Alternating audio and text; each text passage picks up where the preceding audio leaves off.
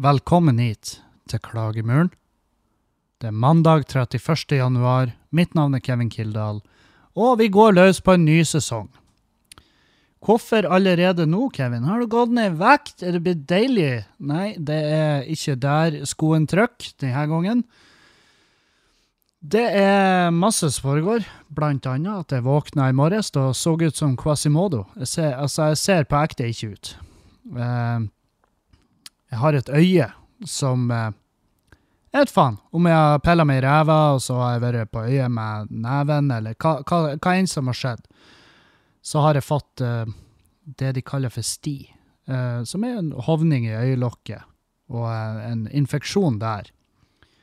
Og, og hellig, uhellet der var jo at jeg har legetime i dag, for jeg skulle inn og syte og klage og fortelle, fortelle hvor, hvor stressfullt livet mitt er. Og, og det var veldig artig da, å møte opp på legekontoret, og så sette meg ned, og så går jeg Jeg går bare rett i gang. Så sier jeg til han at ja, det har skjedd mye de siste ukene, og ser eh, Jeg vil si at det, livet ser litt bedre ut. jeg begynte bare å prate sånn, mens han sitter og mm, ja, mm, mens han stirrer bare på det øyet mitt. Og så sier han bare du, vi må vel Vi må jo prate om det øyet. Og så bare ja, øyet. Ja, stemmer det. Jeg har en det er bare en liten infection, det er ikke noe å tenke på. Um, og så var han uh, litt sånn Ja, jeg er jo, jeg er jo fagmann, jeg vet jo litt om akkurat det her, så uh, kan jeg få lov å se på det? Så var jeg sånn Ja, hvis du, uh, hvis du absolutt må. Så nå har jeg fått sånn øyedråpe, da. Fordi at jeg trodde at hvis du fikk sti på øyet, så var det bare å Ja, det, det var liksom den skammen du måtte bære, da. Hvis du, hvis du har vært og pilla deg på øyet med en, eh, med bæsjeneve, eller hvis du har Unger er jo veldig typisk. Unger får mye sti, og unger smitter Sti, det kan smitte. Så det var hans Det er tydeligvis veldig viktig å ikke uh, pille seg i ene øyet, og så, uh, hvis det er litt fuktig på handa, så bare 'Å, hvor skal jeg gjøre av den fukten?' Jeg trør det i det andre øyet. Nei, ikke gjør det. For da, for da kan du plutselig ha sånn på begge øynene. Og det Ja.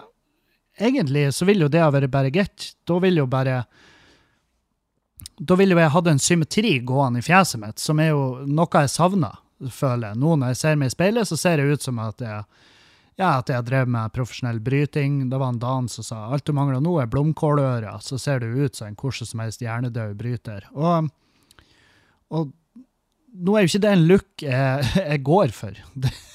Det, er ikke den jeg sikter etter. Men, uh, men det er nå en gang dit jeg er på tur, da.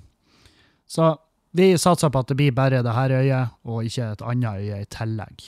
Nå har jeg ikke så mange av de, men uh, øynene i fjeset er jo utsatt for hva nå enn det tredje øyet kan, kan legge igjen på hendene. Så ikke bruk telefonen på dass. Og og det vet jeg jo at det Hva du sier, Kevin? Det er jo det mest sinnssyke som er sagt. Nei, men alle vet at bakterier skal helst ikke inn i de veldig følsomme øynene våre. Så hvis du sitter på dass og bruker telefonen, noe 99% av verden gjør Jeg kan ikke forstå hva resten av dere gjør når dere sitter på dass, men jeg vil egentlig ikke vite. Hvis du, hvis du er den type person som er så bekvem i ditt eget selskap at du kan bare sitte rett opp og ned og bæsje, og så ikke ha digital stimuli, så vet, jeg vet da faen. Jeg, jeg, tror ikke vi jeg, jeg, tror ikke vi hadde funnet tonen. For noen som er så bekvem i sitt eget selskap, det, det, det skremmer. Det skremmer mer enn noe annet. Så, men så har du jo også det her Det, det er jo en, en et rituale som skal skje her. Etter du har gjort ditt fornødne, så går du over i tørkeseansen, sant? Forhåpentligvis. Eller hvis du enda bedre har et sånn spyledass som er mye mindre nasty enn å ta noe kjempetørt papir og så bare gnur du på det området som er skjettent, helt til det blir varmt. Det er jo det vi gjør. Og så sier vi ja, nå er jeg ren og pen. Nei, det er du ikke. Du har smurt ut til at det har tørka. Det er det du har gjort. Du har, du har, eh, har fremskynda herdinga. Det er ett best. Men nå er det nå engang sånn det er, og det er det som er standarden i Norge. Men hvis du har spyledass, gratulerer. Men hvis du også har spyledass, kondolerer. For jeg kjenner folk som har spyledass, og det eneste grunnen til at jeg ikke har installert da i mitt eget hus, er at de klarer ikke å gå på dass andre plasser. De kan ikke benytte seg av toalettene til venner, uteplasser, togstasjoner, fly, fordi at de har ikke spyledass. Så da går de bare rundt og føler seg nasty resten av dagen. Noe de er. Så hvis jeg har noen lyttere som har spyledass, hvordan, hvordan løser dere den? Hvordan løser dere den oppgaven? Svar meg. Ja, så etter legetime um, Vi skal komme tilbake til alt det her med psyken osv. osv. Det skal vi selvfølgelig besøke i eh, hele dag. I hele dag. Fordi at um, Ja. Etter legetimen så stikker jeg bortover på um, um, treningsstudioet for å prøve å klemme inn ei lita økt. Og um, jeg er jo Jeg vil si at jeg er kommet i gang med den treninga. Og jeg har fått hjelp fra en herlig mann som heter Martin Busch. Og ja, han heter Martin Busch. Og da kan vi følge ham på Instagram. Han er jo selvfølgelig psykotrent, uh, en deilig liten mann som har peiling. Og så har han også plagdes med skulderen, så han har litt peiling på skulderplager, og det er jo, uh, ja, det er jo mitt voksne liv oppsummert. Så jeg tenkte at han blir jo rette mann å henvende seg til, og jeg hadde mest sannsynlig rett, for uh, det treningsprogrammet jeg har fått, det har i hvert fall truffet der man gjerne vil at det skal treffe. Og jeg var og trena i Alta når jeg var, gjorde standup der oppe. og Jeg, var, ja, jeg, jeg, får, jeg, prøver å få det til sjøl om jeg er på veien. Som er en ja, som er noe jeg sikter etter. fordi at så ofte som jeg er på veien, så er det veldig rart å, sku, å ikke skulle uh, få til å trene sjøl om jeg bare bor på hotell. Det som irriterte meg da, er jo at Ja, vent litt, jeg må bare ta ei reim på det jævla festet til mikrofonen. Ah, datamaskiner, helvete. Sånn, ja. OK, vi prøver igjen. Jeg, bor jo, jeg bodde på noe som heter for Scandic Alta, og det er jo eh, Ja, det er nå et eh, Det var sikkert tidenes hotell når det ble bygd. Og det er noe greit. Jeg har ikke så mye annet å, å si enn da. Men Og her kommer ende. Jeg bor jo ikke på Scandic-hotell med mindre jeg blir tvungen. Altså at noen andre tar den avgjørelsen for meg. Fordi at jeg syns det er kaldt og upersonlig. Um, interiøret svarer ikke til, til mine preferanser. Det, det, er bare småting, men såpass ofte som jeg bor på hotell, så må jeg bare finne meg noen favoritter. Og, det, og der har ikke Scandic nådd gjennom. Og, og, det tror jeg Scandic òg driter i, for jeg tror ikke Scandic sliter. Så jeg sjekka nå inn der, har en nydelig utsikt til den her uh, bæsje-emojien og ei kirke de har der, og så la jeg ut en jævlig ufølsom snap, fordi at ja, jeg bare filma den, og så sa jeg det her ser ut som en bæsje-emoji. Og det jeg ikke fikk med meg, var jo at mens jeg filma, så drev de på og bærte ei kiste inn i selve kirka. Så det så litt sånn morbid ut. Så jeg skyndte meg å fjerne, fjerne den snappen. Uh, så jeg ned, og så sa sa jeg til henne i lobbyen, for jeg, jeg har jo sett på nettsida at de hadde treningsstudio på hotellet. Så jeg, ja, jeg så det sto at dere har treningsrom her, og hun, hun bare ja, ja. Uh, og det var over veien. Uh, I et annet bygg, som er Nordlysbadet, heter det.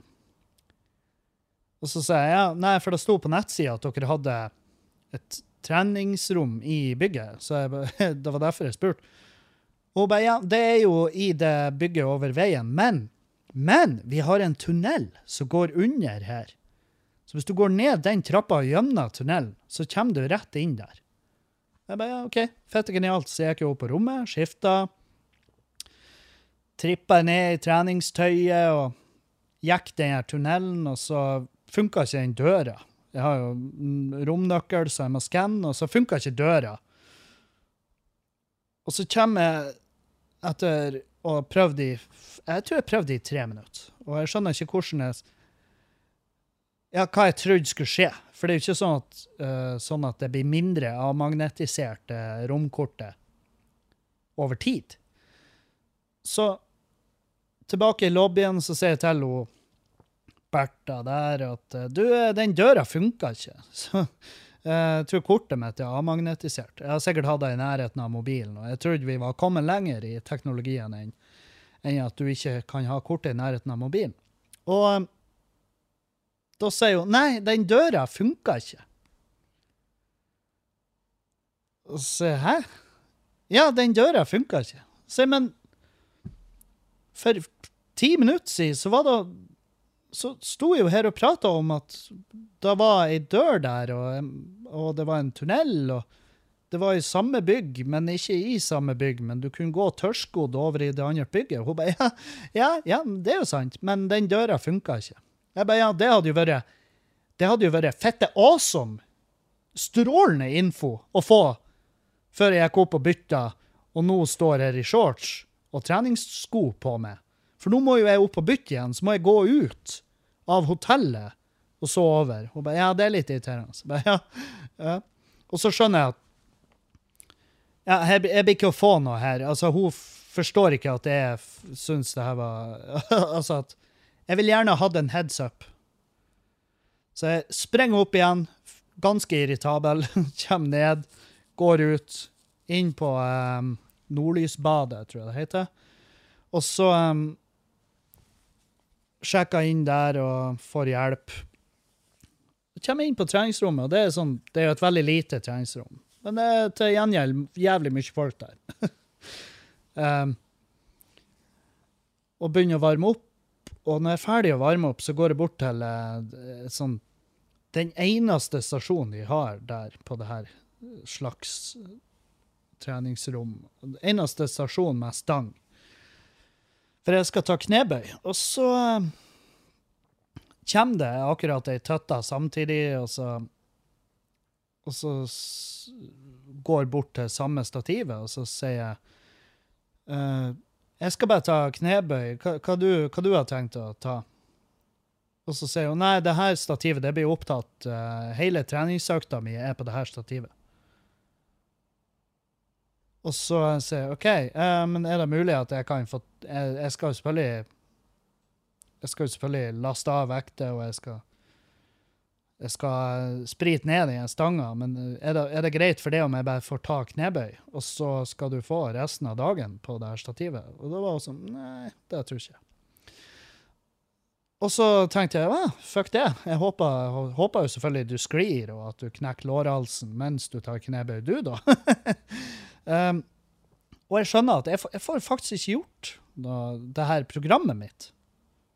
Fordi at det treningsrommet er så jævlig uh, lugubert utstyrt, og det er folk overalt. Og ja. Og noen ungdommer som, uh, som har uh, reservert diverse apparater der. og det virker som at de sitter og ser film. De sitter to karer. De trener ett og ett sett. Og så setter de seg ned og ser noe på mobilen. Og så, det, de har sånn fem til ti minutter pause mellom settene. Jeg bare, helvete, Det må være så deilig å ha så fette god tid. Det må være så deilig å være så ung og ha så umenneskelig god tid på seg. Men det har nå de, da. Så jeg blir sånn lynings. Jeg bare, OK, ja, det eneste jeg kan trene her, er tredemølla. Og det er jo for så vidt ikke det siste jeg trenger, men allikevel, det var ikke det jeg hadde tenkt å gjøre. Så jeg ringer han Nelson, som jobber i det Fil24-systemet, og så spør jeg har dere et jævla treningssenter i Alta. Han bare ja, nettopp åpna. Så får jeg mulighet til å trene der, da. Stikk bortover. Um, og får gjennomført ei trening der inne. Uh, med god hjelp av en, av en sånn der kjøtthest som for bare og gikk der. Han jobba ikke der, men uh, Og han gikk i en sånn der Jeg vil ikke kalle Ja, en veldig løs singlet. Altså Og jeg skjønner, jeg kan ikke sette meg i hans situasjon. For han fyren her, han er så trent at han kunne ha letta spille i Spartacus, eller ja, hvor nå enn de trenger en annen jævelstram, gladiatorlignende type. Så jeg har jo ingen problemer med å spørre han om Du, kan du bare se på teknikken min på den øvelsen her, om den er rett? Og så gjør jeg den, og så sier han nei, bror, helt feil. Og så viser han meg, og så gjør jeg det igjen, og så er det helt feil. Og så blir vi til slutt enige om at det er fordi at jeg har stor mage. Så det bare ser ut som at magen min er sånn som den er. Altså, det ser ut som, det ser ut som at jeg, jeg presser han ut. Og så nei, nei, jeg presser han jo ikke ut. Jeg, det her er jo med når jeg supa inn magen. Se her, nå skal jeg presse ut magen. Så gjorde jeg da, og så flira han masse, og så sa han OK, ja, da gjør du det rett. og jeg var sånn, dæven, hvor lang tid hadde vi kommet til å bruke før han innså at eh, kanskje han fyren der bare er feit, i forhold til meg i hvert fall. For han fyren der, han Ja, jeg hadde lyst til å det, det var et vaskebrett. Jeg hadde lyst til å vaske klær på det, eller bruke skei og spille noe bluegrass-musikk på det. Men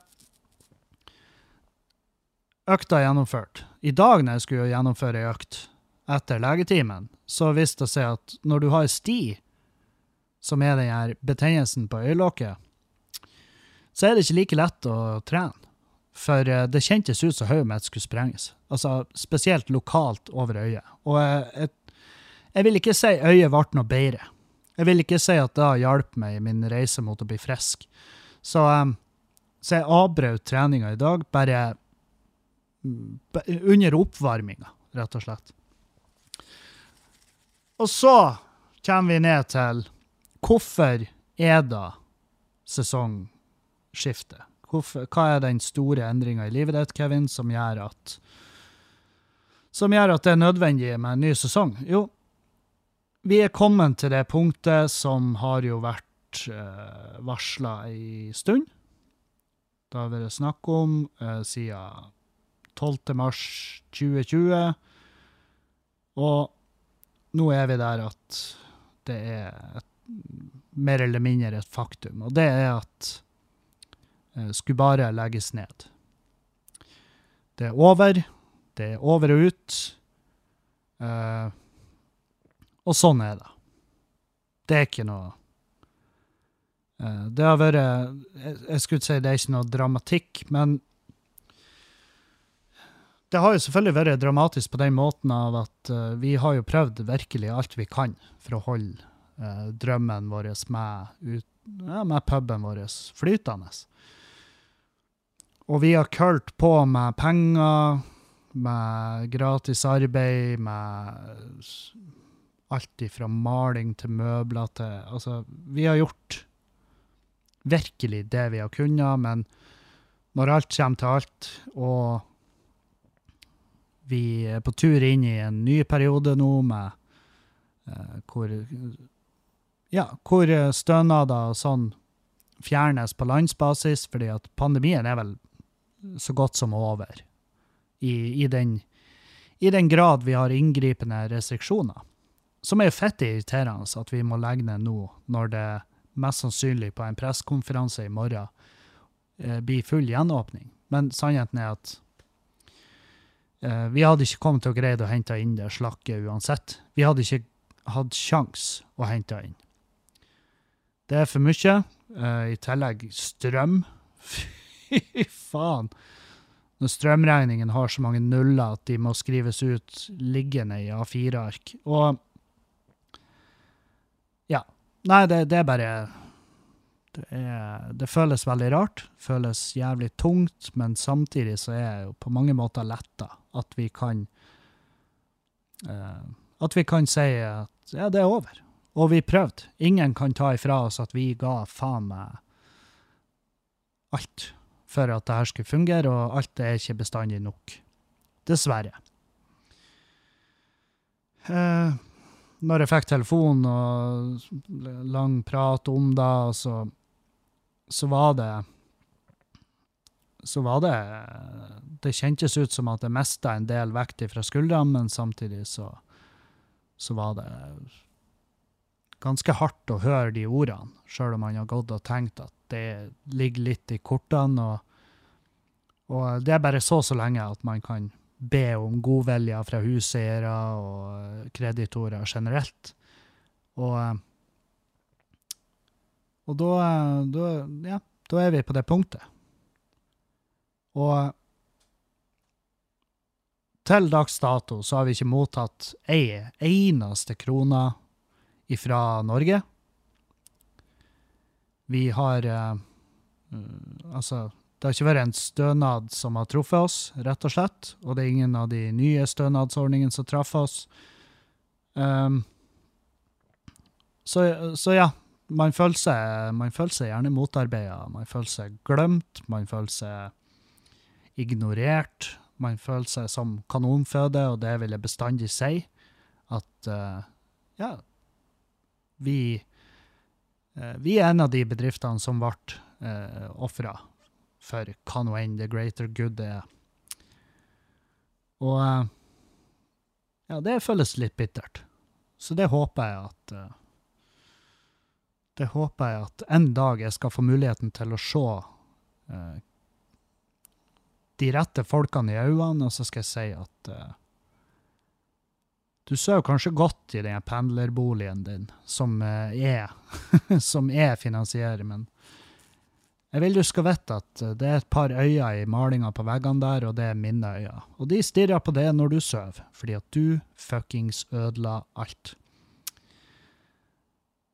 Sånn. Det skulle jeg gjerne kunne ha sagt til diverse folk. Um, men hva hjelper da? Nada. Og vi har tatt, uh, vi har tatt alle de nedstengingene, vi har tatt alle de nye reglene, vi har tatt alle restriksjoner med ja, Altså, vi har tatt det så seriøst som man kan, og vi har fulgt det etter beste evne. Noen ganger har vi vært dårlige, og noen ganger har vi vært best i klassen på det. Og um, Ja, jeg vet faen. Jeg bare Det føles så jævla meningsløst, hele det her. Å, nei, stoppa skjenkinga klokka elleve. Da, da ordna det seg. Vel, eh, Ja, nei. Det er bullshit. Dere kommer aldri til å få med meg på at, at det var en god løsning. Aldri kommer jeg til å innrømme at det var en god løsning. Fordi at uh, bare nå i helga, så var, Når jeg var i Finnmark, så var jeg på tre nachspiel etter den ene kvelden. Og jeg var i seng til klokka to. Skjønner? Så når du stenger pubene tidligere fordi at folk skal da, i en perfekt verden, gå hjem, så tru om igjen. Det er ikke sånn det funker. Mens når vi er på puben, så vi, vi på samme bordet, uh, i hvert fall jeg, da.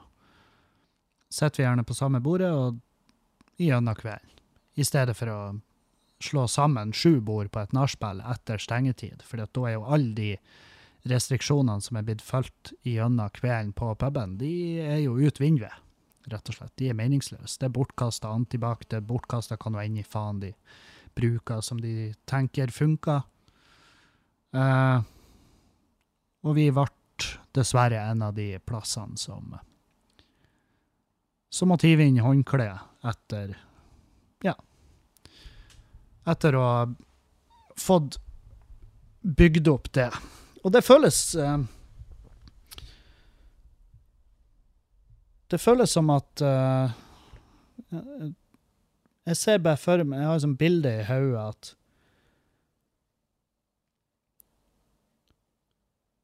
Når starten av pandemien kom, så bare begynte Så bare begynte Så begynte staten å grave ute i hagen min. Bare med ei lita Bare med ei lita skei. Så begynte jeg å grave utenfor hagen min, så var stakk jeg hodet ut vinduet og spør hva du gjør Hva du holder på med i hagen min. Og han bare Nei, det, det, bare vent og se. Og så, når pandemien er over, så er han kommet så langt i arbeidet at det er bare et svært hull der. På størrelse med ei kiste. Og så sier han nå er vi i mål. Kom og legg det. Det her er til det og bedriften din og til Ja. karrieren din og hva nå enn i faen. Så man har sakte grev, fått gravd sin egen grav. Heldigvis den finansiert av, av noe statlig stønadsordning, som sikkert blir gjenfakturert uh, i ettertid, hvis det går i pluss. Men det er over. Det er fuckings over. Og Og sånn er det. Hva gjør det her med psyken din, Kevin? Jeg tror det vil ha kun positive effekter. Fordi at uansett hvor mye jeg elska puben vår og hadde lyst til at det skulle funke, så har det unektelig vært en Ja, spesielt på den tida når vi ikke har fått lov å drive, så har det vært en energityv. Det har vært en eh, Det har vært en plass der jeg har lagt Der det har Ja, en fabrikk for bekymringer gjennom hele pandemien. Og eh, han pappa hadde jo et godt poeng når han bare Ja, så dere åpna i pandemien og la ned når pandemien er over. Ja, ja. Faktisk. Akkurat sånn er det. Men det var jo ikke akkurat med vilje. Det var jo ikke akkurat sånn at vi ja, vi tar på oss ansvaret og holder uh, holde lunk i uh, lokalene mens vi venter på uh, Mens vi venter på bedre tider. Hvor vi da kan legge ned og så gi fakkelen videre til noen andre. Hva som blir å skje videre i lokalet der, jeg har ingen peiling. Jeg har ikke snøring hva som blir å skje videre der. Og eh, jeg kan bare virkelig ikke forestille meg at noen eh, går inn og starter noe utelivsprosjekt der igjen. Det, det nekter jeg å tro. Men hvis det skjer, så støtter jeg de 100 Jeg er ikke en av de som møter opp på min tidligere Eh, Vi har jo hatt eiere, tidligere eiere innom som har hinta fram til at de ikke syntes det var så jævla fett det vi hadde gjort der. Og, eh, og jeg sa jo til de at eh, det noterer jeg meg. Og så eh, skal jeg også prøve å sette ord på hvor faen jeg gir i akkurat det du sier der. For det er min bedrift, og det var det. Men ikke nå lenger. Ikke nå lenger. Og det føles uh, ja, Hvor mange ganger skal jeg si hvordan det føles? Men det er fordi at det er masse følelser i svinger. Man føler seg jo uh, mislykka. Selvfølgelig. Men vi får jo aldri vite hvordan det ville gått. og eh, hvis vi hadde fått drifta normalt der, og uten restriksjoner og sånne pissregler å følge, så hvem vet? Jeg, jeg tror det ville funka. Men det er, det er jo bare hva jeg tror, og ingen bryr seg om hva jeg tror, egentlig. Men eh, vi har prata med de ansatte, fått eh, informert. Vi hadde gravøl i helga. Og uh, ja. Den da det. Og uh, nå går livet videre. Og hva har livet videre å bringe? Jo, i morgen skal jeg på et jobbintervju, faktisk. For jeg har Ja, jeg trenger noe stabilitet i hverdagen, og det, det, det er veldig eh, kjipt. Jeg har ikke lyst til å ta i en hammer eller en skrumaskin igjen i kommersiell eh, sammenheng, men jeg har innsett at det er faktisk eh, Det er faktisk begynt å gå tomt for valg her. Og Så man skal liksom aktivt gå inn, og, gå inn i en jobb man ikke har lyst til. det, det er så sjukt å tenke på. At jeg faktisk skal meg velge å gå inn i en jobb jeg ikke har lyst til å gjøre. Det fine med da er at jeg får litt ro, fordi at jeg har jobba i jobber der jeg ikke trives tidligere.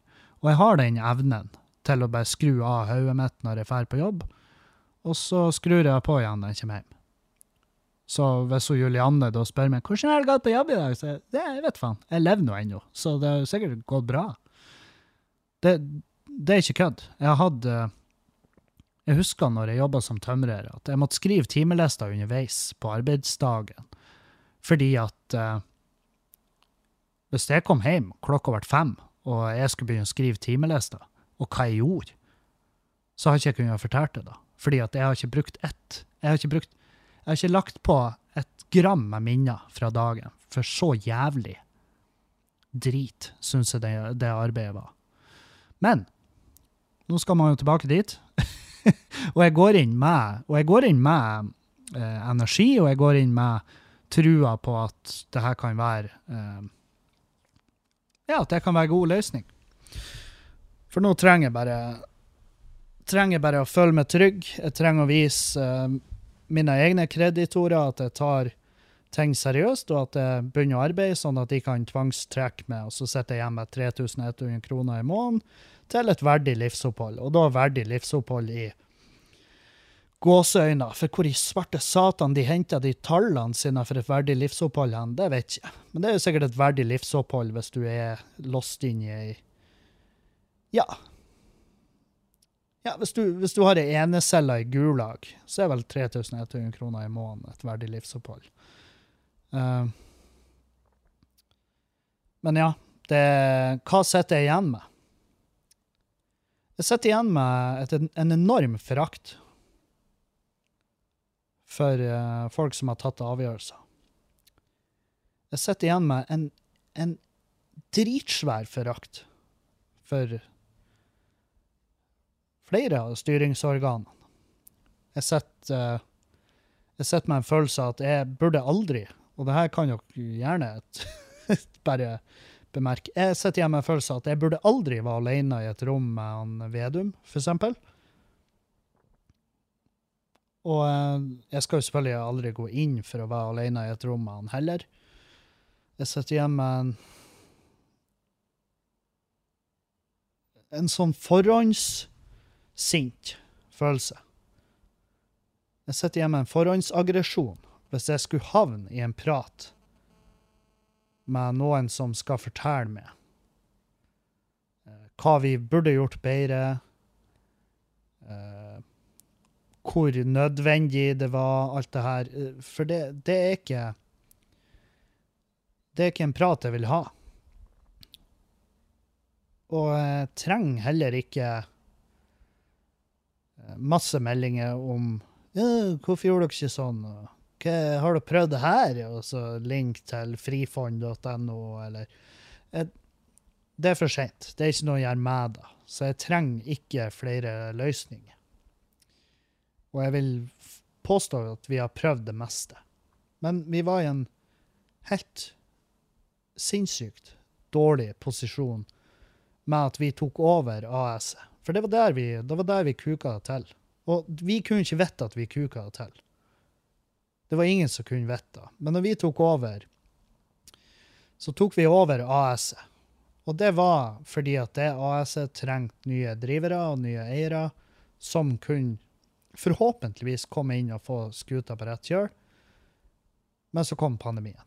Og det vil si at det AS vi tok over, det var i det som kalles økonomiske vanskeligheter per 31.12.2019. Og hvis firmaet ditt var da, så får du aldri noe stønad. Og da kan du gjerne ringe. Du kan søke penger, og du kan ringe og si heia. Uh, vi har sendt inn søknad, og per 31.12.2019 så var vi var firmaet i økonomiske vanskeligheter, men vi tok over. Vi er nye eiere og driftere der, så vi, så, så vi lover at det, det, er, det, det, er bedre tider i vente. Det, det nytter ikke. I noen av de stønadsportalene. Så Så jeg føler at det har vært det jævlig irriterende å bli møtt av Ja, men dere kan bare søke uansett. Så søker vi uansett, så får vi nei. og og det var jo det jeg fikk. ikke sant? Her i kommunen så har vi noe regional forvaltning og noe midler der. Og så var jo det der jævla merknaden. Så ringte jeg og så sa du, her er casen, vi er nye eiere fra, fra desember 2019. Så vi har jo ikke akkurat greid å få eh, firmaet opp og gå. Vi hadde akkurat eh, fått utdelt nøkler. Det var det vi hadde fått. Så og så var de sånn Ja, men herregud, det, det skal vi selvfølgelig ta høyde for. Det er bare å søke. Og så jeg bare Ja, men uh, Og det var jo sist gang vi søkte. Da fikk vi nei. Og så ringte de på nytt nå, og så bare Ja, det er bare Da kan jo søke uansett, så, så får vi nå bare se hvor det fyker an. Og da husker jeg da, Nå så sa jeg det til de at det kosta oss 20 000, nesten, å bare søke. Fordi at du må ha revisor eller regnskapsfører i sving, og de der jævlene, de Altså, hvis de tenker på meg Hvis, hvis regnskapsføreren min tenker på meg i ti sekunder, så fakturerer de. Så um, det er altså så fitte horedyrt. Bare å søke. Og med tanke på at vi fikk et nei sist, så, så ble det vel tatt den avgjørelsen at vi ikke gjorde det nå. Um, så ja, tusen takk til eh, alle av lytterne og fans og tilhengere som har eh, deltatt på quizer, eh, på Spleis, på eh, arrangement, på pubkvelder, musikkbingoer, standup, konserter. Vi har arrangert mye forskjellig. Og vi har hatt det så jævlig artig, og vi har kosa oss. Og vi har fått stifta nye bekjentskap. Eh, noen har funnet kjærligheten der på puben. Det, det har skjedd eh, enorme ting der, og når alt kommer til alt, så angrer vi ikke. I hvert fall ikke jeg. Jeg angrer ikke på at vi prøvde. Men jeg angrer på at jeg la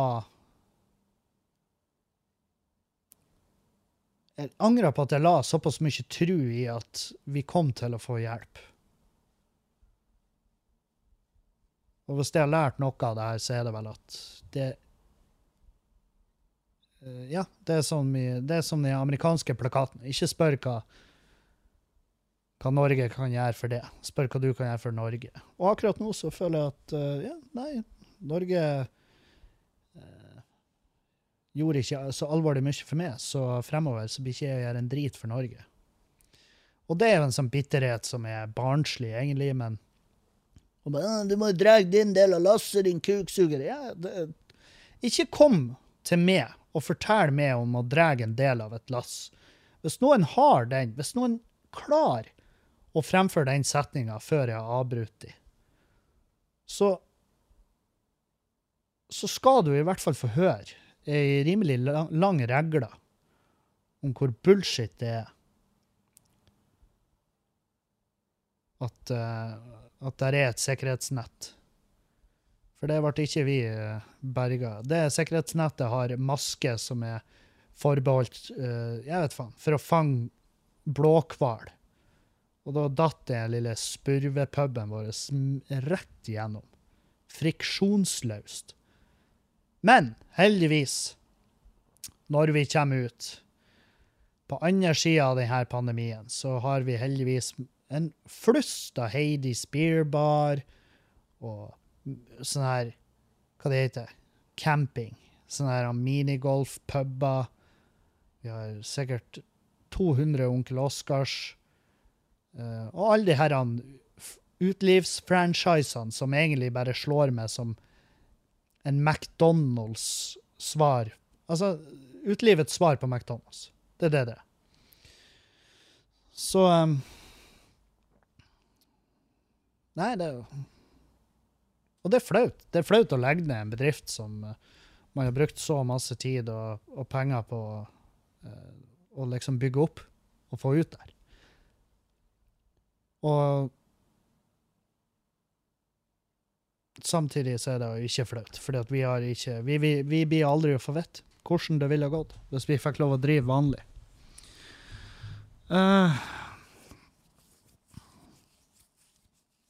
og så Øka eiendomsskatten i Bodø, ja. Den eh, De fjerner vel det fradraget. Minst eh, sånn at er vanlige folk sin tur. Ja, det var vanlige folk sin tur, helt til mor handla datamaskiner uten å sjekke prisen først. I tillegg så legger de ned masse skole i Bodø. De omregulerer tomt for å selge. Og som ei Bertha skrev, det her er ikke kødd, de legger ned i skole i Bodø nå. Og det var ei Bertha som skrev Skal dere seriøst legge ned i skole når det fra før av henger Altså, det tyter ut unger av vinduene på klasserommene. Og nå skal det legges ned skoler sånn at de kan sette opp boliger for å få mer plass til innbyggere som det ikke er plass til i skolene fra før av. Nedlegging av barnehager. I tillegg, foreldre som får unger på feil tid på året, må ta opptil seks måneder ubetalt permisjon fordi ungene ikke får begynne i barnehagen til rett tid. Og alt det her bunner jo i at Bodø kommune er fullstendig fullstendig grøftkjørt økonomisk. Og det hjalp jo ikke på når de tapte denne jævla dritflaue rettssaken, hvor egentlig kommunedirektøren og hele den administrasjonen der skulle ha gått på dagen. De skulle ha sagt Å, det her er eh, hyggelig at alle kunne komme til denne pressekonferansen, og jeg må bare få lov å åpne meg og si vi er fette idiot. Vi har ingen peiling på hva det er vi styrer med. Og nå betaler vi prisen, og prisen er 100 mill. det var det vi tapte akkurat her inne bak meg nå, inne i uh, retten. er ganske flaut. Ganske flaut. Men jeg lover at vi har lært. Jeg lover at ja, Har dere da? Har, hva har dere lært? Hva har dere lært annet enn at det her skal innbyggerne få lov å betale? Altså, tenk å fucke opp så inn i helvete hardt i den jobben du har, at din oppgave blir så jævlig neglisjert på et sånt nivå at hele kommunen blir satt på Robek-lista. Hvor man må inn og ha forvaltning fordi at man er så fitte tilbakestående med pengebruk. At du må ha en voksen fra sør til å komme og overse hva du gjør av arbeid og med god grunn, når de greier å kuke deg til så fitte hardt som de har gjort.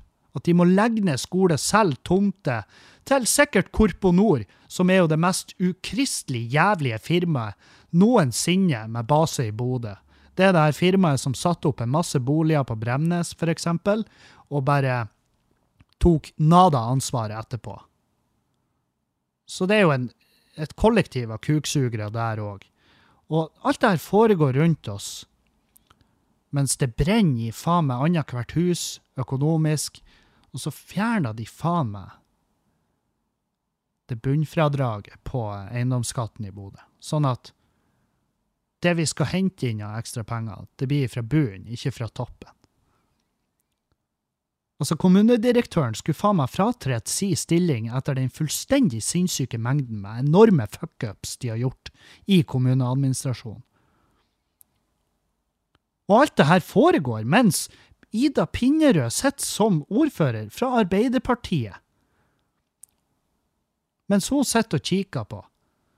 Men hennes fokus ligger jo på den her jævla flyplassen sin, Bodø 2024, og hei, jeg er en kulturmann Jeg er en kultur, men jeg skjønner ikke hvordan det her skal gå opp. Og mens hennes fokus er der, og samtidig de, det, det, står på nettsida at nå er det vanlige folk sin tur. Jeg flirer. Nå er det vanlige folk sin tur å bli fista i rævhullet. Det er det det er. Så ja. Heldigvis har jeg ingen unger. Heldigvis har jeg Ja, så på ekte, ingen unger. Så jeg slipper å tenke på da, i hvert fall. Slipper å tenke på at jeg ikke har barnehageplass, eller at jeg må ta ungen min, som jeg trø han inn i klasserom som om det var ei eh, T-banevogn i, i, Asia. Sant? Jeg slipper heldigvis, da. Så kan jeg heller ha fokus på nedleggelsen av firmaet mitt.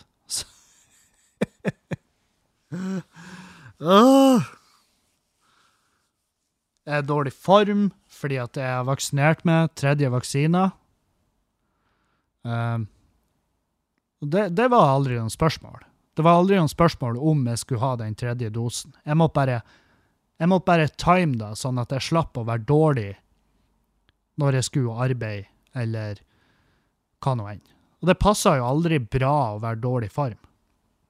Og det fikk jeg virkelig. Helvete hvor røff den er, den vaksina. På meg.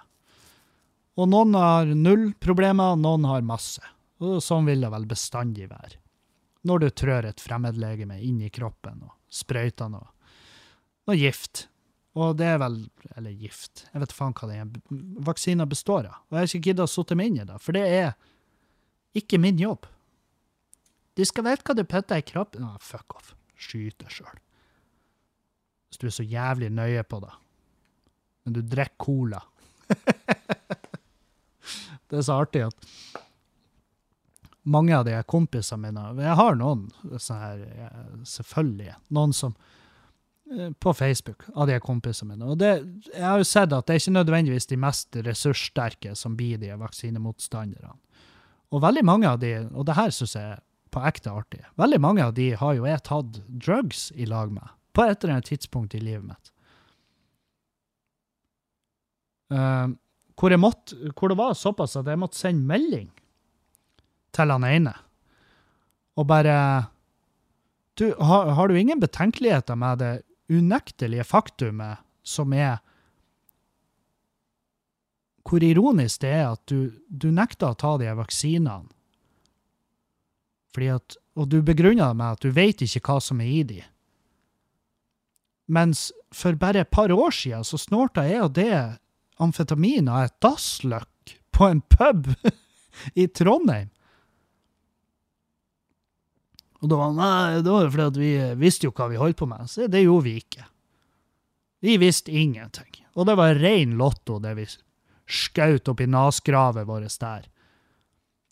Men nå, men nå er du kommet dit at du skal ikke ha noe fremmedlegeme inni kroppen din. Men så vidt meg bekjent, så har ikke du slutta med amfetamin siden sist jeg prata med deg.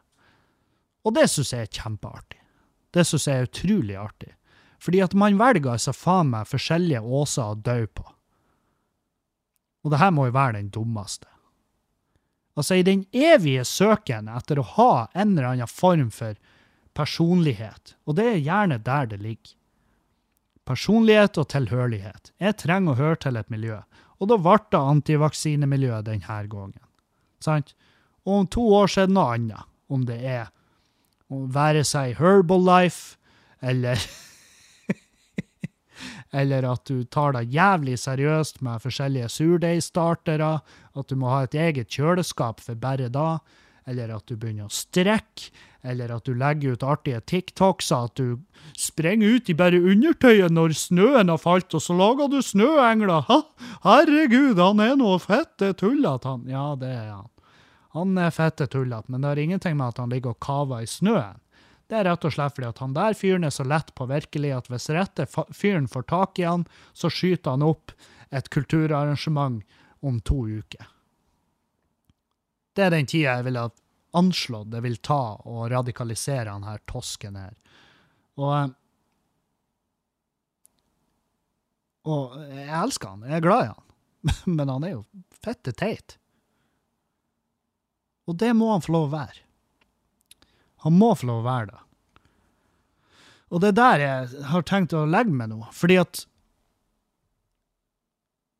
Altså, vaksinemotstandere og alt det her, de er jævlig slitsomme, jeg trenger ikke å ha noe med de å gjøre i livet mitt, men det vi må huske, er at nå er vi på oppløpssida.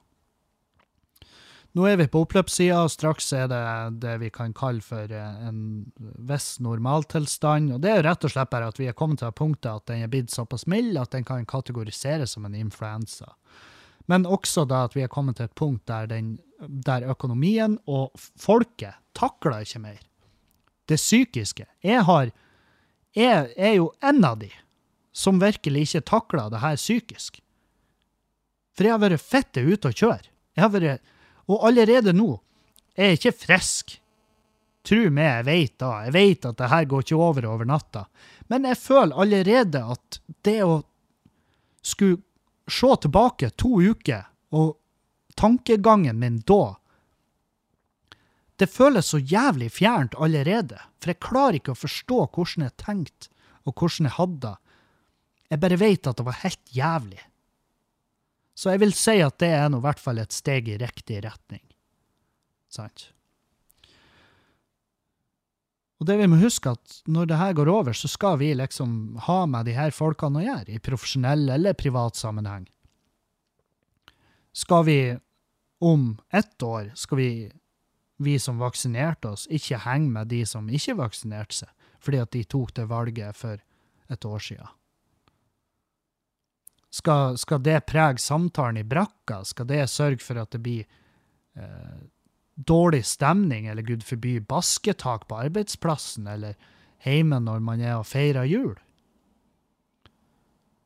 Det burde ikke være målet. Selvfølgelig skal folk utfordres når de har sinnssyke meninger, og det syns jeg.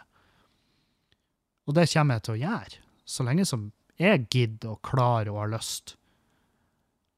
Men man kommer jo også til et punkt der det er såpass mange, og det er såpass mange innenfor din krets eller kretsene rundt det, at man må heller bare Ja, OK, du er en av de. Ja, nei, det, la oss nå ikke prate om det. det og det merka jeg gjorde i helga. Når jeg var oppe i Finnmark, så, var, så havna jeg i prat med en, en kis, og han gjorde det ganske kjapt tydelig at han var jo antivaksinant, og så sa jeg du, det tror jeg på. Og så sa han hva, mener du med det? Og så sa jeg nei, jeg bare fikk en feeling. Eh, ikke noe, det er ikke noe annet enn det. Og så sa jeg til han la oss nå prate om noe annet, sånn at ikke jeg og du blir uvenner. Og han bare nei, jeg har ingen problemer med å ta den praten. Så jeg nei, jeg skjønner da. Jeg skjønner at du gjerne vil ta den praten. Men jeg håper du har respekt for meg når jeg sier at jeg vil ikke ta den praten. For jeg har tenkt å bruke tida mi her oppe på noe trivelig, noe positivt og noe hyggelig. Og da har ikke jeg rom for å ta denne diskusjonen nå. Vi kan sikkert ta den på mail eller noe sånt senere, men akkurat nå så får du valget. Enten prater vi om noe annet, eller så stikker du, og så kan jeg prate med noen andre. Og han valgte jo å gå for sistnevnte, og det Jeg må også innrømme at det gjorde meg ikke noe særlig at han bare gikk, men jeg er veldig glad for at vi ikke gikk inn i den krangelen. For det hadde ikke ført med seg noe positivt, det hadde bare endt med at jeg følte meg som en dritt, og at han følte seg som en dritt, så hvorfor i faen skulle vi gjøre det? Så ja, poenget mitt er at uh, vi må ikke male oss inn i et hjørne som gjør at uh, man får et sosialt At man får et sånt sosialt sprik etter, uh, i hvert fall i like stor grad. Det kommer til å bli et visst. Det er altså selvfølgelig. Noen blir ikke å Noen av dere som hører på det her, syns at det er en dårlig vurdering. Noen syns at uh, de slipper for lett, vaksinefolk, antivaksinefolkene. Ja, det på mange måter. og noen av de slapp jo ikke i det hele tatt. Noen av de døde av det de tror på. og det som er synd, er at de blir jo stempla som martyrer istedenfor stempla som idioter av sine egne. Og, og det, det, er trasig, for da døde de liksom forgjeves. Men sånn er det, og sånn vil det bestandig være. Og medmenneskelighet og respekt for andre Jeg vet faen. Jeg bare, og det er nok alderen som gjør at jeg bare får det mer og mer. Og så prøver jeg streber etter å bli en bedre person på akkurat de her feltene. Men det er ikke lett. Helvete. Dæven. Og når jeg så denne reportasjen om vaksinemotstandere som prøvde å ta seg inn nede i Oslo for å konfiskere vaksiner um, Og de her folkene er ikke idioter i mine øyne. Dette er folk som er sjuke. For de er gått til, de er kommet til et sånt punkt at da går det utover andre. Og da tenker jeg ja, skaff de hjelp. Skaff de oppfølging, og skaff de den hjelpa de trenger, for å bare ikke skade andre. For hva de gjør med seg sjøl, det driter jeg i. Og det er litt det her med at du skal Altså, jeg kan direkte overføre det til ja, til holdninga mi når det kommer til legalisering og avkriminalisering av, av det som blir stempla som narkotika i Norge i dag jeg føler at folk skal få lov å styre over sin egen kropp, og de skal få lov å putte i den kroppen det de sjøl har lyst til, hva nå enn i faen det skulle være, så lenge det ikke går ut over andre. Nå er jo det her vaksinegreier noe litt annerledes, fordi at eh, det hjelper andre.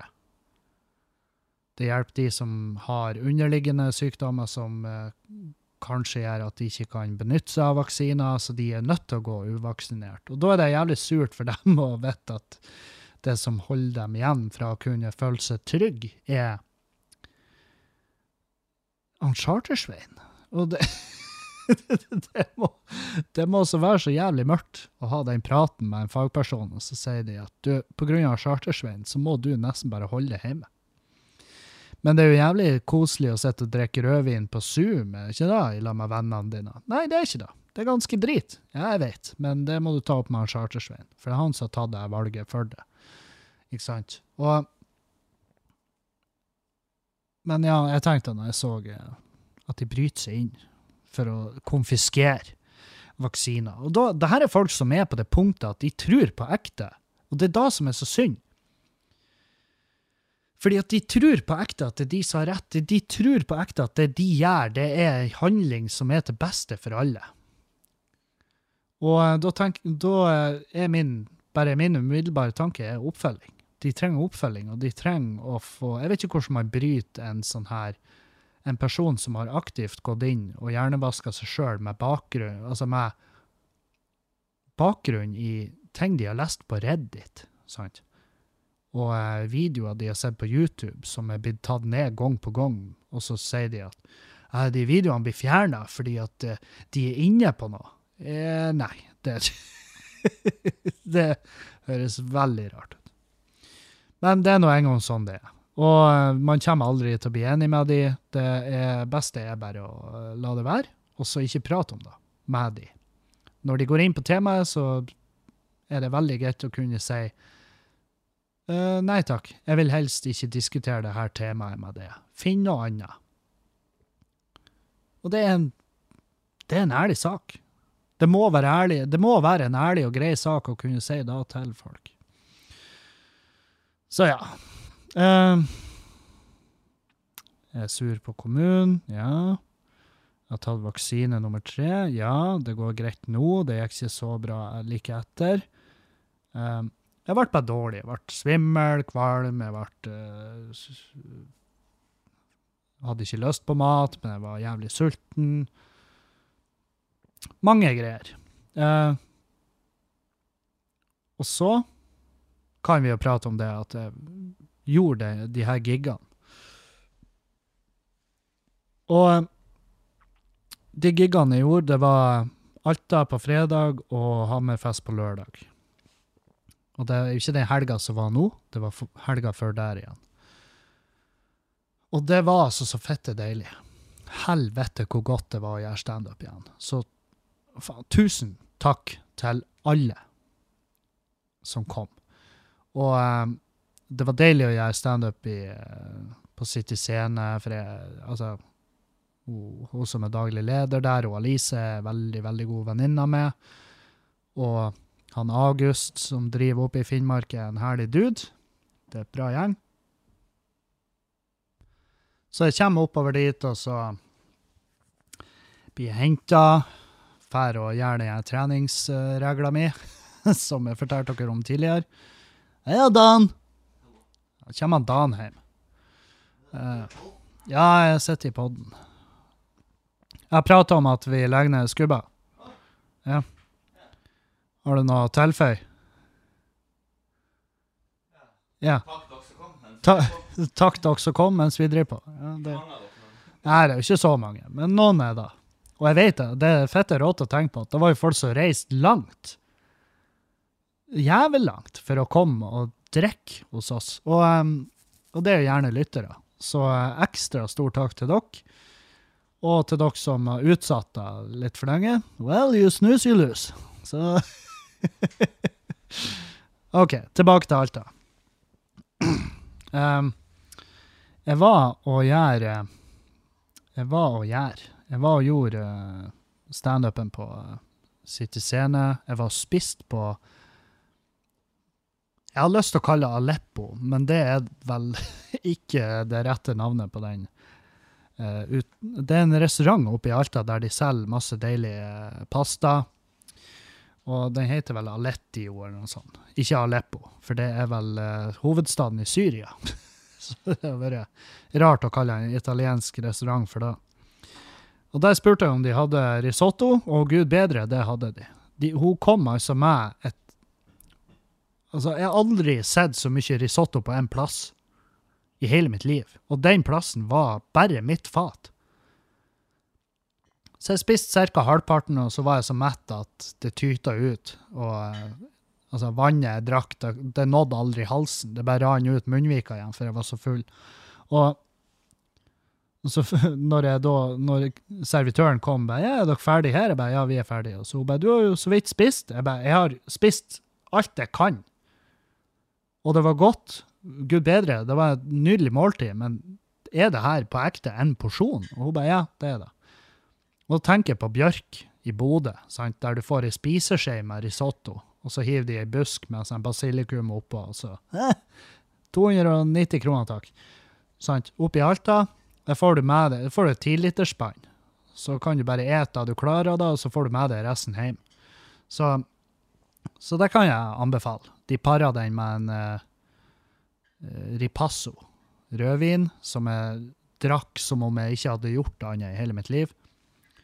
Og så var det ned og gjøre show til et nydelig publikum, og det var, uh, det var bra med folk. Både i Alta og Hammerfest. Og, og bra folk bra publikum. De flira der de skulle. Det var ingen som stoppa med midtveis for å rope at det var helg. Jeg tror alle der bare visste at det var helg, så de trenger ikke å rope det lenger. Det er en, det er en uh, kjensgjerning at fredag og lørdag, da er det helg. og Da trenger ikke en feit fyr i en Outlander til å si det. Så, så den nyheten har jo tydeligvis nådd Finnmark, og det er jo til min store, store glede at jeg slipper å oppleve det der. Um, og etter det showet i Alta så var jeg så sliten at da var det Det var ikke snakk om noe annet enn å bare gå på, gå på hotellet og legge seg nedpå.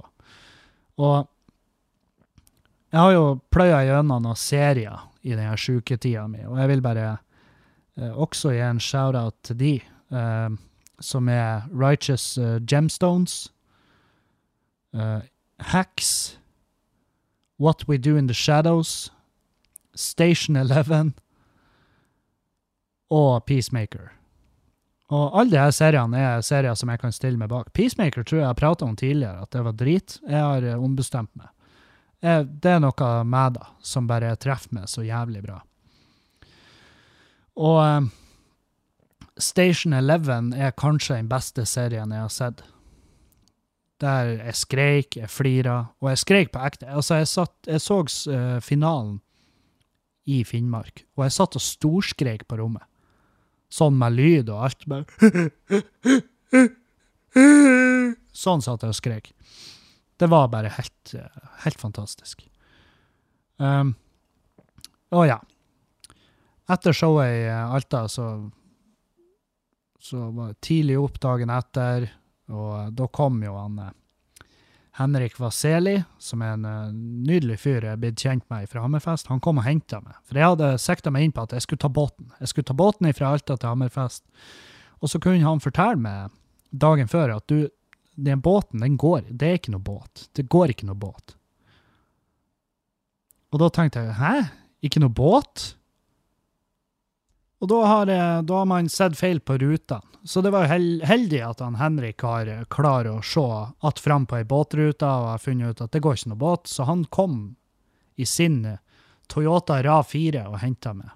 Og det er jo ikke en ny RAV4. Jeg tror han er på ja, Den er på denne sida av 2000-tallet, men ikke noe sånn kjempelenge etter. en god gammeldags RAV4. Samme type som mamma kjørte, husker jeg. Og eh, det, det, en eh, Han tar seg frem. Helvete, han tar seg frem, den bilen. Men eh, det var jo meg jeg, jeg, liker ikke å kjøre de veiene. Jeg liker ikke å kjøre på vinterføre generelt, har jeg funnet ut. Det har ikke noe med hvor god sjåfør jeg er, tydeligvis. Det er bare at jeg blir engstelig. Og jeg tror det er fordi at jeg har vært i fjellveggen en gang tidligere, og, og hadde en hodeduell med ei kollisjonspute i den sammenhengen. Og da, siden da så har jeg vært veldig redd på vinterføre. Og, men det er ikke han Henrik. Han har peiling på vinterføre, for han bor oppe i Finnmark. Så eh, han eh, frakta oss fra Alta til Hammerfest med null stress, heldigvis. Og jeg sa til han kjør rolig. Så hvis jeg blir stressa på denne turen, så må jeg bare gå rett og legge meg. Og det slapp jeg, for det var en nydelig, fin tur. Vi prata, og vi kosa oss. Og han er jo sånn, han har jo en fot innenfor kultur og en fot innenfor eh, kommunen. Og det er jo en, det er jo en ypperlig plass å være, tenker jeg. Det er derfor jeg skal søke meg jobb i kommunen. Fordi at da kan jeg ha en fot innenfor begge deler. Fordi at det fine med å jobbe i kommunen er at du har det fast og greit, og eh, det kommer inn, og det kommer, eh, det kommer til samme tid. Det er ikke noe joss der, lønningsmessig. Det er bare et helvete å ha med kommunen å gjøre hvis du er en av beboerne i den kommunen. Og det skal jeg jo ha så lite som mulig av den slags. Men ja, vi susa bortover til Hammerfest. Jeg sjekka inn på Smart Hotell, og eh, Smart Hotell er nå det det er. Det er et billig, og det er et eh, enkelt hotell, og det er ikke noe annet enn det. Men uh, de legger for mye press på de smart-greiene. At å, det er smart hotell, smarte rom. Det, det, jeg syns ikke det er smarte rom. Jeg syns ikke det er litt smarte rom, fordi at jeg har aldri vært innom et hotell som er så nytt, men ikke har stikkontakt attmed senga. Så ja, det er kanskje et smart hotell, men det er ikke et tilrettelagt smart telefon. Som jeg syns er rart, i og med at smart er i navnet, fordi at egentlig så syns jeg bare hotellet skulle hete hotell. For da er det. Det kan ingen ta ifra det hotellet. Det at det er et hotell. Men intet mer og intet mindre. Fordi at Til og med altså de sengene her, dere som ikke har bodd på de rommene, de er fette små.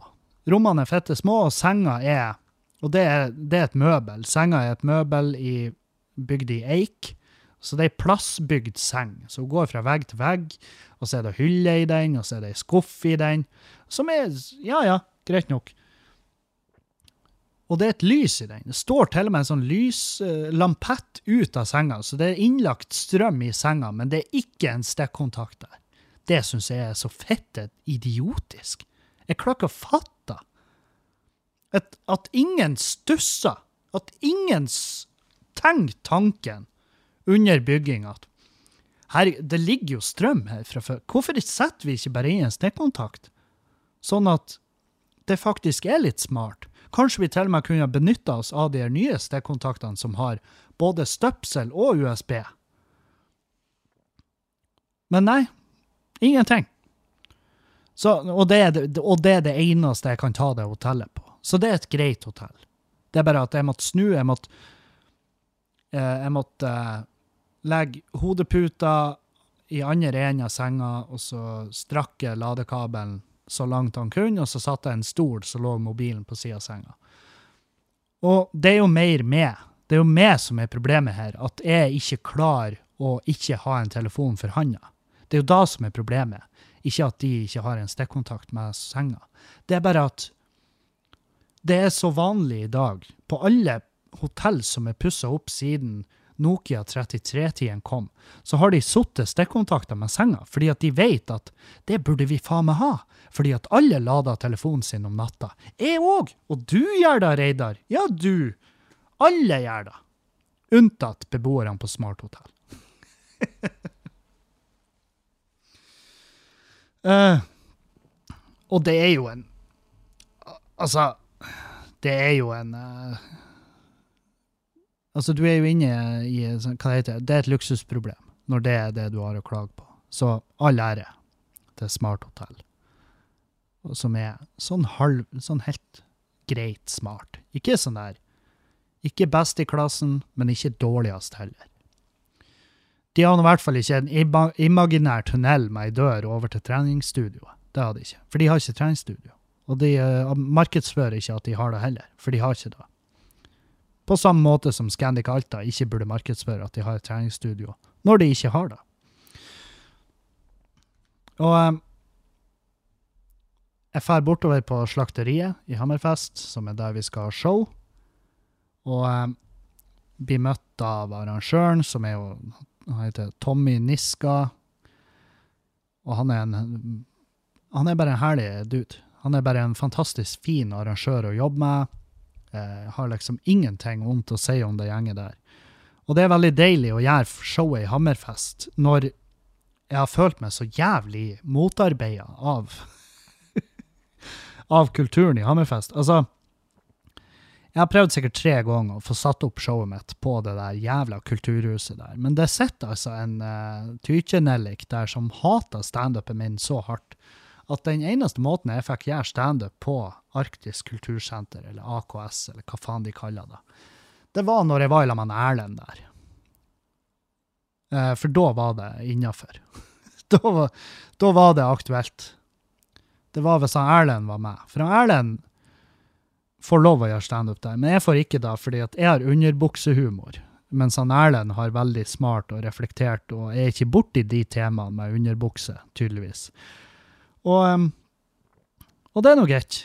Altså, jeg har ikke lyst til å opptre en plass der jeg ikke er velkommen. Jeg bare hater å, opp, å bli nekta å opptre en plass når jeg får beskjed om at ja, det er på grunn av det her og det her, og så vet jeg at det er bullshit. Og så vet jeg at det er fuckings bullshit. Og da tenker jeg at ja, ja, nei, det får nå bare være. Og da kom jo slakteriet ut av ingen plass. For det er rimelig nytt. Og jeg så det lokalet sist jeg var i Hammerfest, og så sa jeg hvorfor i faen er vi ikke her? Men da var jo allerede billettene solgt, og han Erlend var gira på Arktisk kultursenter. Jeg var ikke så gira, fordi jeg vet at egentlig så er jeg der kun fordi at jeg kommer trøende inn ytterdøra i skyggen av han Erlend, sant? Når jeg går opp til de automatiske skyvedørene på Arktisk kultursenter i Hammerfest, så går ikke de dørene opp. Men hvis han Erlend går foran meg, og jeg gjemmer bak han, så slider de opp, og så blir du møtt med kava i døra og rød løper. Og nå eh, tror ikke jeg nødvendigvis at jeg har så jævla mange lyttere oppe i Hammerfest. Jeg har noen. Um, men det jeg kan si at eh, det prates om, det er ikke bare meg. Det det er ikke bare meg som eh, har det inntrykket at det kanskje kunne vært rom for en demokratisk prosess innenfor booking. Og det burde det faen meg være på alle kulturhus. Det burde være et, et bookinggjeng, ikke en bookingansvarlig.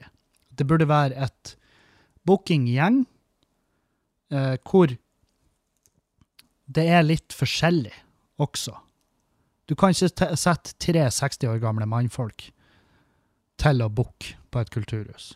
Du kan ikke sette en 60 år gammel mann til å booke på et kulturhus.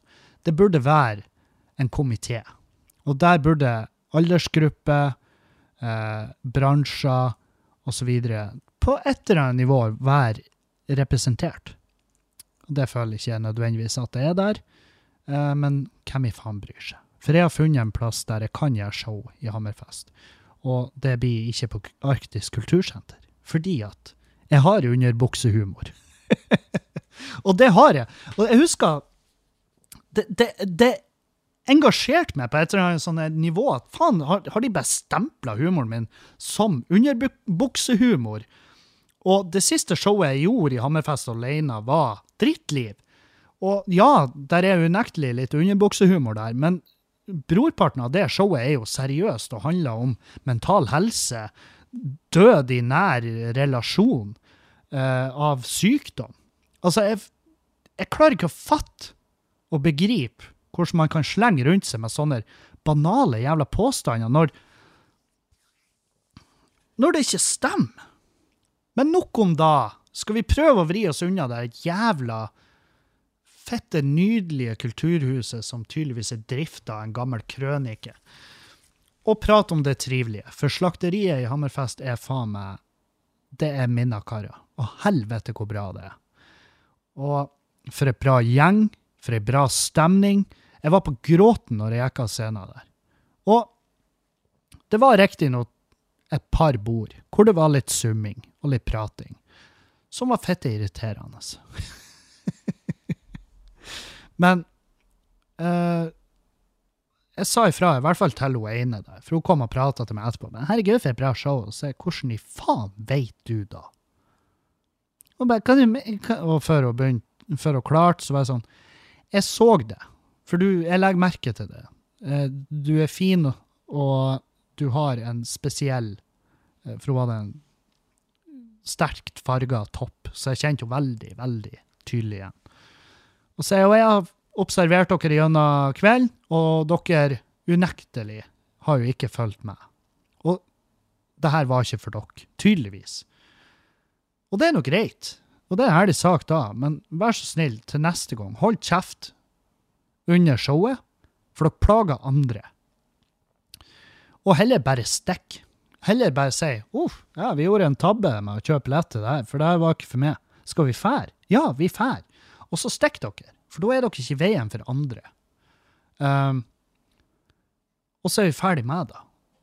Men det jeg ikke skjønner, er at du drister deg til å komme bort til meg etter showet og si at du syns det var bra, når det åpenbart er fette løgn. Og det synes jo, og da var hun sånn, herregud, hvor sur du er. Så jeg er ikke sur. Klarer du å se på meg at jeg er forbanna nå? For jeg er ikke det. Jeg er ikke forbanna, jeg bare står igjen med spørsmål som du tydelig ikke kan svare på, fordi at du vet ikke svaret sjøl. Hvorfor i faen satt dere her? Og hun bare OK, takk for praten. Og så gikk hun, og så følte hun sikkert at å, oh, herregud, der visste jeg han. Men du skal vite, kjære det, at uh, at uh, om du hadde blitt borte i morgen, så hadde ikke jeg visst det. Som høres jo veldig Kanskje jeg ble mer forbanna enn jeg tror. Men ja. Eh, nydelig oppfølging fra de ansatte der. Eh, det er et helt nydelig lokale. Det er sånn klubbstemning. Det er bare helt fantastisk bra egnet for standup. Så der blir jeg å jeg blir å gønne på fremover når jeg er oppe i Finnmark, og så skal jeg heller gjøre showene der. Og så er, så er liksom problemet løst. Dagen etter var det jo eh, eh, var jo selvfølgelig litt mer sliten, fordi at eh, ja, jeg ble med på nachspiel hjemme hos han eh, Henrik, som kjørte med. Og de har en nydelig kåk oppi, oppi eh, prærien, tror jeg det heter. Og eh, bare en flott kåk. Eh, veldig, veldig søt dame. Og så hadde jeg ei katt der som var tydelig som fosterhjemskatt, som har opplevd et eller annet i sitt liv, for hun var jævlig skvetten og skeptisk, men jeg nådde nå inn til henne etter hvert. Og så, eh, etter det nachet, så på, på tur tilbake, så stakk jeg innom et sånn Meløy-nachspiel. Det var ma masse Meløy-folk der. Det var trivelig òg, å få hilse på litt lokale, altså lokale helter fra mitt lokalmiljø. Og folk som ikke har prata med på årevis. Så det var, det var veldig trivelig. Så stakk jeg på hotellet, og så var det å legge seg. Men jeg kunne sove lenge, fordi at flyet mitt skulle ikke gå før i tretida dagen etter. Men så har jo hele helga så har de Hammerfest-væringene gått og sagt til meg at det blir ikke å gå fly. Du blir ikke å komme deg hjem. Og jeg sa til de alle, ikke si sånn her til meg. Det, altså Min største jævla frykt er at flyet ikke går hjem, og de bare 'Å, herregud, det er så utrivelig å være i Hammerfest'. Nei, det er bare så utrivelig å være borte hjemmefra. Når jeg egentlig Med mindre jeg står på scenen og gjør standup, så har jeg som regel lyst til å bare være hjemme. Sant? Og og det var meldt uvær, og det var altså faen meg med hjertet i halsen at jeg for opp på flyplassen, men det var med en sann jævla fryd at jeg gikk om bord i det Widerøe-flyet, og vi fløy til Tromsø. Vi flyr til Tromsø, og eh, der setter meg rett i gaten til flyet mitt videre, og det skal gå fra Tromsø til Evenes, og så til Bodø. Og jeg sitter med headsetet på, men jeg ser at det er ei dame som går opp og prater med han fyren i skranken. Og jeg ser han rister på hodet sånn som om han var en kirurg, og at den de opererte på, døde på operasjonsbordet. Og hun viser tydelig misnøye. Jeg blir livredd. Jeg tar av meg headsetet, går opp der, og så sier jeg Du, går ikke det flyet til Bodø? Og han bare jo, vi går til Bodø, men vi går ikke til Evenes. Og så sier jeg strålende. Uh, og det mente jeg. Strålende, fordi at da slipper vi mellomlanding. Det vil gå fortere. Jeg hater landing og takeoff. Men det var jo litt ufølsomt med tanke på Bertha som sto på sida med, med en hund. Eh, Hun hadde vært og henta seg en valp. Og litt ufølsomt av meg. Jeg bare Yes! Det blir ikke Evenes. For hun skulle til Evenes, da. Stakkars. Med den nye valpen sin. Men det var ikke snakk om å lande på Evenes. Det fikk de ikke lov til. Vi satte oss om bord, fløy nedover til Bodø. Og jeg har aldri i mitt liv vært så redd på et fly. Og det, altså, flyvertinna var òg stressa. Hun kan si hva faen hun vil, men det var tydelig stress ute og gikk. Og med god grunn, for dæven for et jævla vær.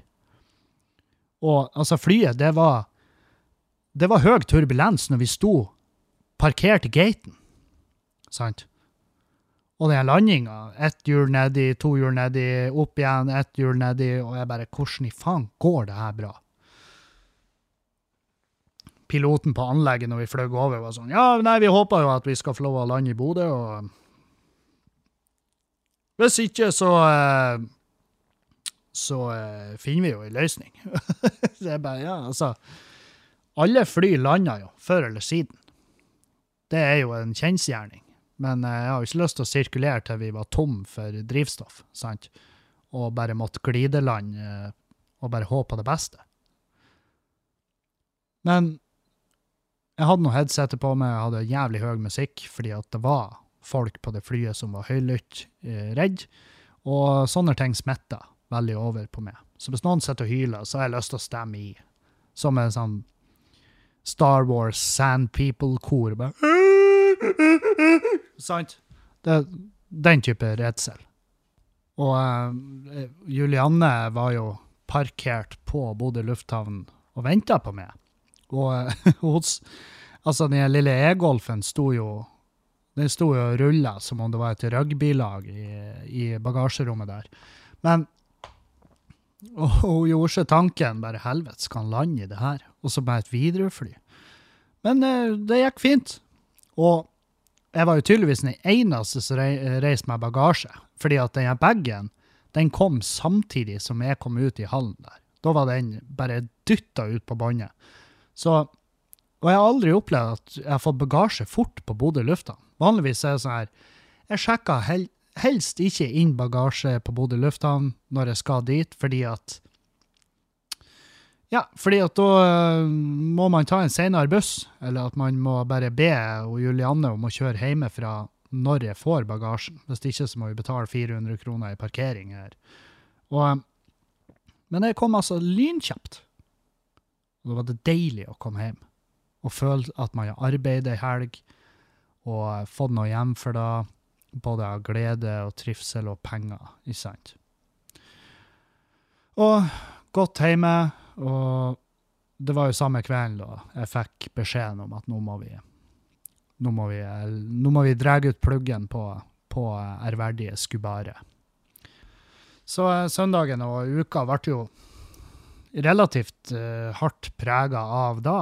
Og det er jo både det her med at når noe går konkurs, så er det Da gjelder det å, å få henta ut de tingene som tilhører det privat, sånn at ikke det blir en del av et eventuelt uh, bo. Eh, blant annet også da stereoanlegget til Skubare. Altså, nei, til Skubare, hør nå her. Standup Bodø. Eh, vi har jo eget PA-anlegg, og det var veldig viktig å få ut derifra. For det er klubben sitt. Um, og så har jeg vært og hjulpet Robert. Det er jo han eh, enorme muskelbunten av en kom kompis jeg har. Jeg har vært og hjulpet han å legge flis hjemme hos eh, han i huset. Og det var jo et, eh, et slags gjensyn med håndverkeryrket. Og han fyren her er jo en arbeidsjævel. Han jobber. Han jobber masse. Han jobber kuken av seg. Det gjør jo ikke jeg. Jeg er ikke vant til den der type arbeid. Så eh, det var altså faen meg Det var skikkelig tungt. det har vært så jævlig tungt å jobbe med den type arbeid igjen, men eh, også artig. Eh, I tillegg så har vi ordna oss ski, jeg og Julianne. For vi kan ikke gå ski. Vi kan ikke stå Altså, vi kan Vi vet ikke hvordan du går ski. Og når du bor i Bodø og er jo ute i fri luft, vi liker å være ute i naturen, har vi funnet ut, så eh, er det jo dumt hvis man bare skal være ute i naturen to måneder i året, fordi at det er vel så lang sommeren er her oppe. Eh, så da har vi skaffa oss ski, og så skal, vi, eh, skal Tomax og Mona få lov å lære oss. Surdeigskongen er jo selvfølgelig også en habil skiløper. Og ja, vi har flere folk i kretsen vår som kan det.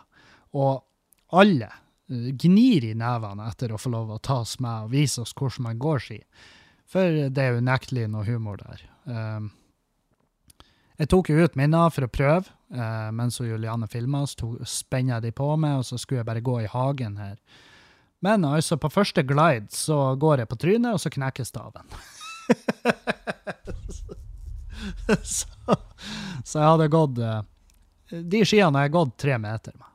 Og det tok ikke lenger før jeg knakk staven, så hvem faen er Oddvar Brå? Det spør nå jeg. Um, nei, og vi kan da. Vi, vi har vært i badeland i Bodø. Ja, ja, ja. Jeg reiv av meg, så gikk bare i shortsen rundt i badeland. Og det er jo ikke noe egentlig svært steg sånn generelt, bare det å fære og plaske i badeland. det tar jo ikke en enorm mann å gjøre da. Men det er et steg for meg, som ikke er noe glad i å vise fram kroppen min. Så, eh, så eh, det, var, det, var, faktisk jævlig deilig.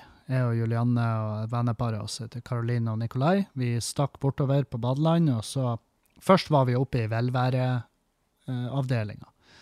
Da var det badstue og boblebad, og ja, det var, det var jævlig godt. Og det òg følte jeg at det trengtes. Og så gikk vi ned i bassenget etterpå, og så svømte vi mot bølgen, og ja, det var bare trivelig.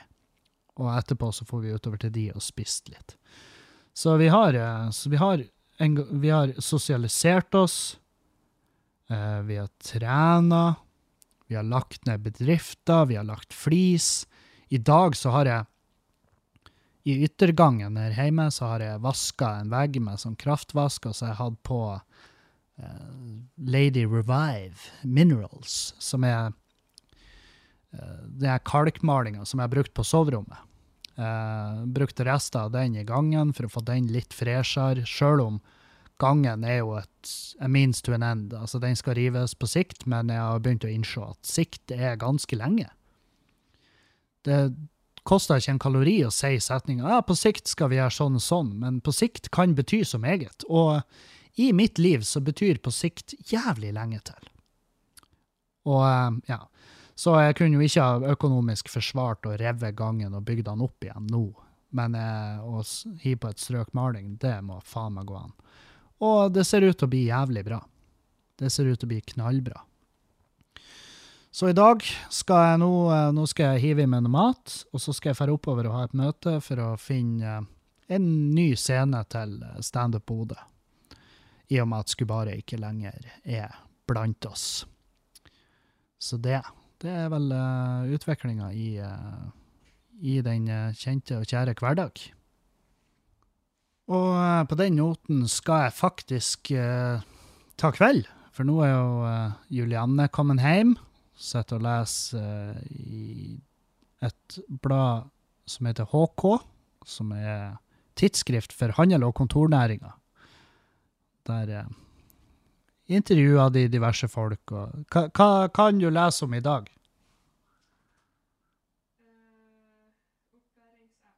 Opplæringsapp. Det vil jo kunne revolusjonere det arbeidet som er i opplæring. Tror du ikke det? Ja, hun har trua. så skal vi prøve oss å lage oss et uh, måltid, og så skal vi være kjærester. Forlova skal vi være. Hva syns du om yttergangen etter det, Marlan? Veldig bra, sier hun.